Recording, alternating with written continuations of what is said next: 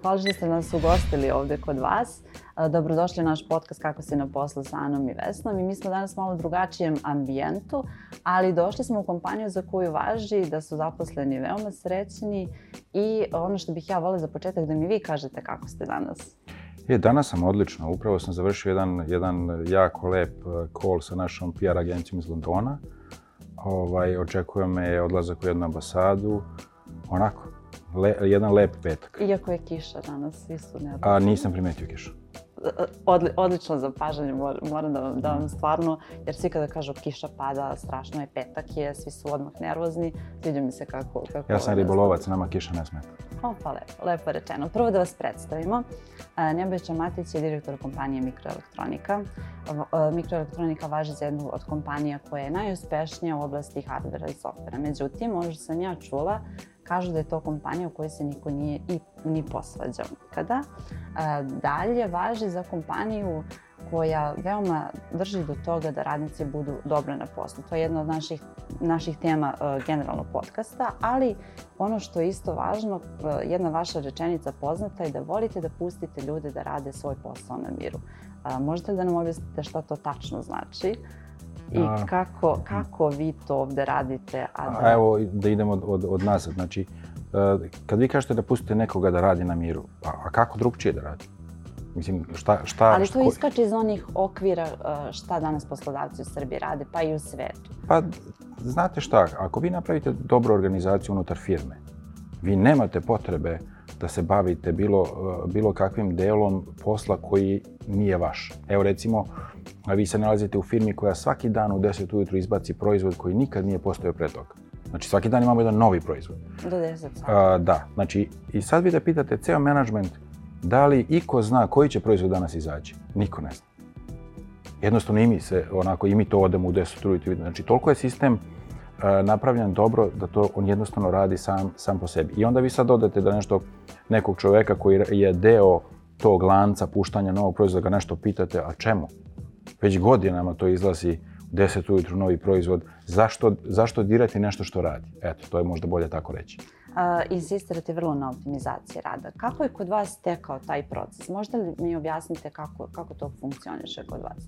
E, pa mogu, e, evo ako, znači mi smo imali jednu, da kažemo, ajde da kažem, sreću da smo pokrenuli svoj ERP, da radimo svoj ERP za nas. Naravno, mi smo IT firma, mi imamo programere, mi to možemo. Neke firme koje se ne bave time, naravno, to ne mogu i onda kupe drugi ERP i tako dalje. Ali samo to što imate vaš ERP vas čini jako efikasni. Možete da prilagodite taj ERP svom poslovanju. Znači, to je jedna stvar. Druga stvar je što ljudi kad pričaju o optimizaciji, kad pričaju o efikasnosti, oni se nekako krenu da, da naprave mesec dana, da, da naprave eh, nešto brže za mesec dana, brže za, za nedelju dana, za To nije uopšte tako. Mi pričamo tu o minutima. Znači, mi smo imali sad jedan baš lep primer u, u proizvodnji. U proizvodnji se to nekako najlakše i vidi, iskreno, iskreno rečeno. E, oni su neke stensile ovaj, e, odlagali na neki čudan način. Uh, na, ne na čudan, mm -hmm. na običan način, znači samo ga stavlja jedan na drugi i tako dalje. I onda dok, dok ga nađu, oni potroše recimo 3 ili 5 minuta uh, dok nađu to.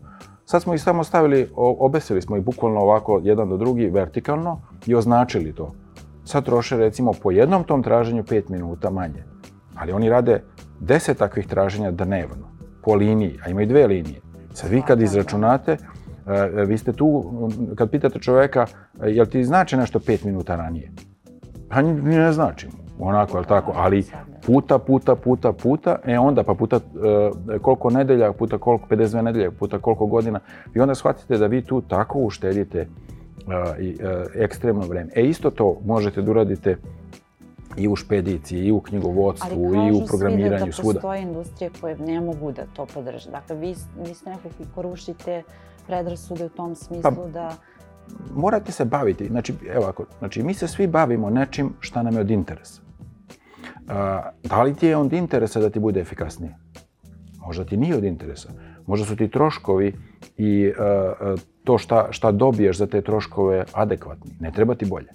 A recimo, ako ti treba bolje, onda se baviš time. Kad se baviš time, nađeš i rešenja. E, ali to važi za to kada, kada brinete o radnicima. Sada kraća radna nedelja je nešto što se u svetu pojavljuje kao popularna tema i mnoge kompanije pokušavaju da optimizuju način proizvodnje, ali svoj, svoj način rade na takav način. Uh, Neke zemlje su već uvele, kažu da su nekim, kao na Islandu, da je kraća radna nedelja postao previše uspešan eksperiment, jer su se ljudi vrlo lako prilagodile. Sad mene zanima iz vašeg ugla kako vi gledate na to, da li ste razmišljali o tome i šta mislite kako bi to uticalo na produktivnost, a kako na zaposlene? Je li to njima zaista neka dobra motivacija? Pa je ovako, znači vi sad kad kažete, ovako, znači Naravno da idemo u optimizaciju svih naših procesa, što će dovesti do uštede vremena. Ok, šta ćemo da radimo s tim vremenom? Ako recimo ova firma ima zadat KPI, KPI inače ovaj, e, u prevodu se e, na srpski kad se prevede kaže se da se uradi ono što smo se dogovorili. Znači ako mi izbacimo jedan proizvod dnevno i isporučimo svima, svim našim kupcima sve za jedan dan, a šta, šta je onda problem da ostala četiri dana ne radimo? Znači, Eh, morate da imate taj neki, to je neki kao dogovor između eh, eh, menadžmenta i zaposlenih. Ovo treba da se uradi, kad uradimo, mi smo završili za danas. Evo recimo, naša proizvodnja radi 7 sati, ne radi 8. Ehm, to je, to je urađeno namerno da bi bili efikasniji. Ali ako su efikasniji, onda moraju da dobiju neku nagradu, je li tako? Ne može sad Naravno. efikasnije. I sem toga, nama ako treba da se, da se uradi više, onda moraš zaposliti više ljudi, kupiti više mašina i tako dalje. Ne, ne, ne vidim budućnost u tome da radimo non stop. Znači, mi ne radimo vikendima, naravno, to je, da dakle, onako već dekadama. Znači, kako, kako mislite šta bi radnici uh, generalno, kako, kako bi oni reagovali na to? Da li, ima, da li ste možda radili neka istraživanja? Aha, Samo mogu vam reći da je proizvodnja reagovala sa velikim oduševljenjem. Od januara će početi da rade 6 sati, to je imamo već, e, već dogovor. E, jer vi, evo ovako, znači, ajmo da, dajmo da, da razmišljamo, znači, e, vi ste neko ovaj, ko ima još neko interesovanje posle, pored posla, je li tako? Znači, jedna indijska kompanija je sad uvela i radnu nedelju od tri, od tri dana samo.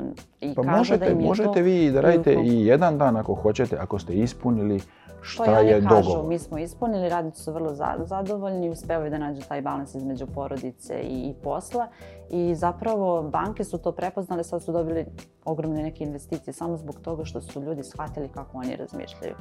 Ali o, pored kraće radne nedelje postoji nešto i što je hibridni model poslovanja. To se u vreme korone vrlo, vrlo, vrlo pojavilo.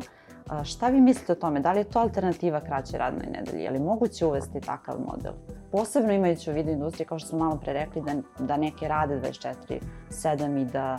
Pa evo, evo mi, smo, mi smo baš pravi primer toga. Mi imamo i hardware, i software, i špediciju, i knjigovodstvo, i marketing, e, i održavanje, i proizvodnju.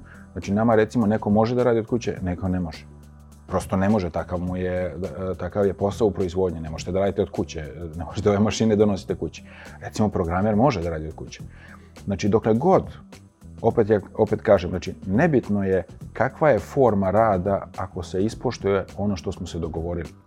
To je ključna stvar, da se napravi dogovor i da se on ispoštuje. Ako, ako se mi, recimo, sad kažemo, treba da pravimo pet novih proizvoda dnevno, i to ne možemo, eh, morali bi da počnemo da radimo i noću Znači, Jasno, da. ali onda, a kakav ti je to deal? Kako si onda napravio deal uh, sa, za, za koji nemaš resurs da uradiš? A da li postoji možda neka razlika između a, uh, modela koji uvode zapadne zemlje i koji bi mogao da se promeni? Da li ste razmišljali na tu temu? Modeli, modeli su uvek isti.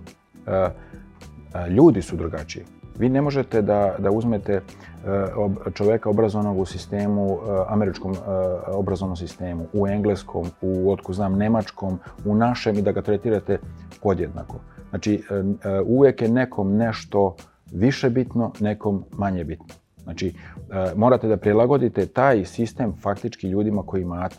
Znači, ne možete da, da, da sad izmišljate neke nove ljude, jer to ljudi su ti koje imate. Znači, vi ste nalazite u državi u kojoj se nalazite. Svaka država ima i prednosti i mane. To je vrlo interesantno, e, pošto mi, mi sarađujemo e, sa, sa jako puno firmi.